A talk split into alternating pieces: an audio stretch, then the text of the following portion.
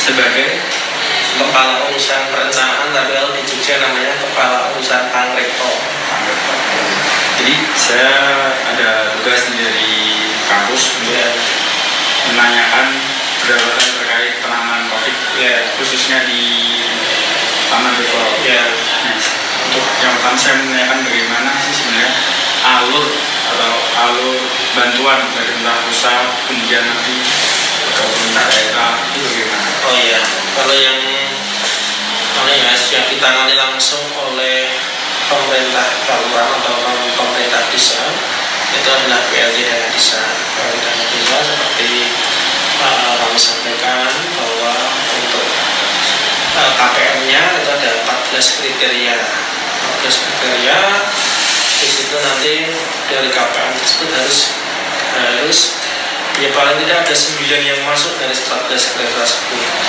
ada yang kena PHK, ada yang punya keluarga yang punya penyakit menaun, ada yang eh, sedang tidak bekerja, sedang tidak bekerja memang sebelum sebelum ada COVID memang tidak bekerja. Terus ada juga yang rumahnya belum teraliri listrik, belum berplester temboknya, lantainya belum diperamah atau belum diplester dan sebagainya. Untuk eh, alurnya dari sebelum dilakukan penyampaian ya, penyampaian ada namanya musyawarah desa atau musyawarah kelurahan yang tujuannya adalah untuk eh, memverifikasi usulan-usulan dari bapak ibu itu yang ada di wilayah Kelurahan Tamalito untuk kita verifikasi apakah yang bersangkutan layak atau tidak untuk kita berikan bantuan BLT dana desa. Terus setelah musdis tersebut sudah disahkan atau sudah disetujui level musyawarah desa, kemudian Pak Lurah menindaklanjuti dengan pembuatan peraturan lurah terkait dengan penetapan penerima manfaat BLT karena di sini di Taman Desa ada tiga tahap ya mas ya. Tahap satu dua tiga itu satu satu gerbong ya. Istilahnya satu gerbong. Terus ada lagi tahap empat lima enam itu satu gerbong terus tahap yang terakhir kemarin itu uh, tahap tujuh delapan sembilan kalau tidak salah untuk uh, keseluruhan itu hampir ada 400an KPM dari tahap 1, tahap 2 sampai tahap 3 untuk besarnya di tahap 1, 2, 3 itu 600 ribu yang tahap 4, 5, 6, 300 ribu tahap 7, 8, 9 itu juga eh, 300 ribu jadi yang beda sendiri hanya tahap 1, 2, 3 terus eh, sebelum kita berikan kepada KPM ada regulasi yang harus kita lalui juga ada namanya perubahan RKP perubahan RKP adalah tujuannya adalah untuk menentukan kegiatan kegiatan yang harus ada karena memang di sana tidak ada ya. di, di subkegiatannya dulu kan tidak ada. Terus kita rubah kita adakan atau kita masukkan jenis kegiatannya sesuai uh, arahan atau petunjuk dari permen desa. Terus kemudian baru kita rubah di perubahan anggaran pendapatan dari desa tapi kami sampaikan juga untuk tahun 2020 ini Taman Tirto melakukan sebanyak tiga kali perubahan APBDes di tahun 2020 yang pertama itu kalau tidak salah di bulan-bulan Mei yang selanjutnya di bulan Agustus, September dan yang terakhir itu kemarin di bulan Oktober November itu rentan waktu seharusnya kalau tidak ada bencana COVID ini pemerintah Kalurahan atau mungkin pemerintah daerah maupun pemerintah pusat itu eh, boleh melakukan perubahan hanya sekali tapi karena ada yang pandemi bisa tidak bisa belum belum pemerintah Kalurahan harus menyelenggarakan perubahan anggaran di tahun 2020. Tadi kan dikatakan jadi eh, sebenarnya BL itu bantuan langsung tunai. Ya, Itu berarti bantuannya selalu dalam bentuk uang ya kalau di Palura Taman Terus selalu bentuk uang mas itu modalnya di kelurahan ini atau di seluruh?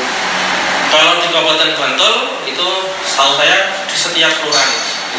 Jadi itu kebijakan Bupati Bantul. Kebijakannya itu kebijakan pusat terus ditindaklanjuti dengan kebijakan dengan peraturan bupati di daerahnya masing-masing. Nah, kemudian uh, saya mau bertanya terkait ke vaksin. Jadi kan ya. beberapa bulan terakhir kan bangsa kita kan Indonesia ini kan ribut masalah vaksin. Ya, ya. itu udah ada sosialisasi belum pak? belum. Kalau di Kaluran sendiri belum. Kemarin saya sempat iseng dengan teman satu kantor juga itu iseng itu kan ada aplikasinya. Mana di aplikasi itu itu ternyata baru di, di diperuntukkan bagi tenaga kesehatan saja dan mungkin ya mungkin yang artis juga secara kiamat juga ya jadi kalau untuk kaluran sendiri belum ada yang uh, ikut list antrian. Dan kita juga masih menunggu mas karena itu kan kebijakan pusat ya kebijakan pusat. Dan kalau dari pemerintah kaluran kalau misalnya ada buku edaran dan sebagainya kalau misalnya itu memang perintah ya kita harus ikuti. Mungkin bisa kita menanyakan berapa bantuan dari pemerintah pusat kemudian nanti pemerintah daerah itu bagaimana? Oh iya, kalau yang mana ya yang ditangani langsung oleh pemerintah kabupaten atau pemerintah desa itu adalah PLT dana desa. PLT dana desa seperti uh, kami sampaikan bahwa untuk uh, KPM-nya itu ada 14 kriteria.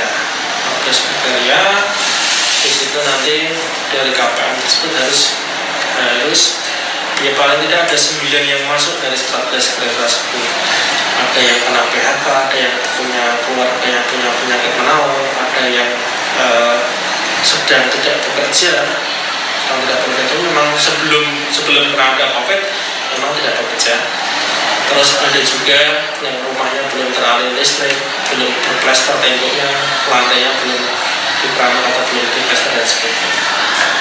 Untuk uh, alurnya dari sebelum dilakukan penyampaian ya, penyampaian bantuan itu ada namanya musyawarah desa atau musyawarah kelurahan yang tujuannya adalah untuk uh, memverifikasi usulan-usulan dari bapak ibu itu yang ada di wilayah Palembang Mojokerto untuk kita verifikasi apakah yang bersangkutan itu atau untuk kita berikan bantuan PLT dana desa.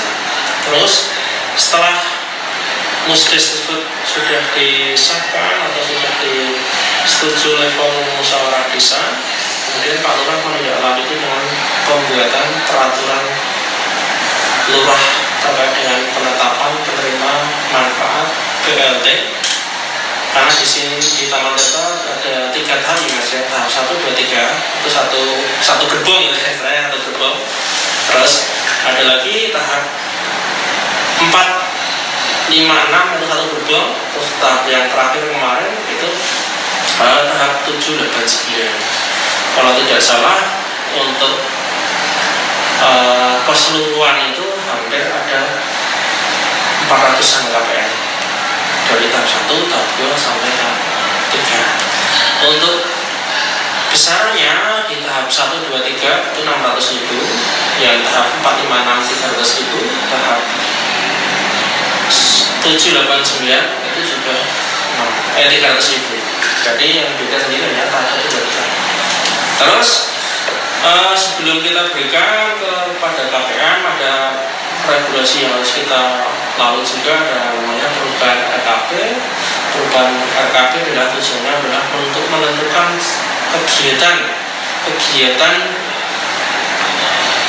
yang harus ada karena memang BLT karena di sana tidak ada ya. Di, di subkegiatannya dulu kan tidak ada.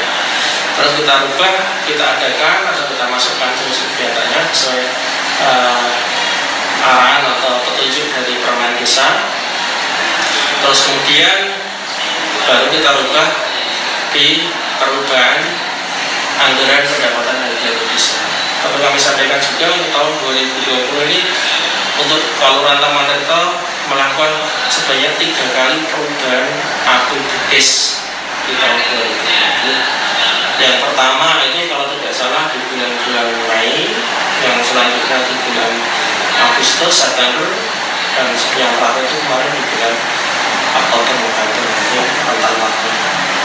Seharusnya kalau tidak ada bencana COVID ini pemerintah Kalurahan atau mungkin pemerintah daerah maupun pemerintah pusat itu eh, boleh melakukan perubahan belum. Kalau di di yang uh, ikut list kita juga masih menunggu mas karena itu kan kebijakan pusat ya kebijakan pusat. Dan kalau kita- dari pemerintah mungkin bisa aja Pak. ya bisa. Aja makasih ya ya jadi monggo monggo. Assalamualaikum lanjut salam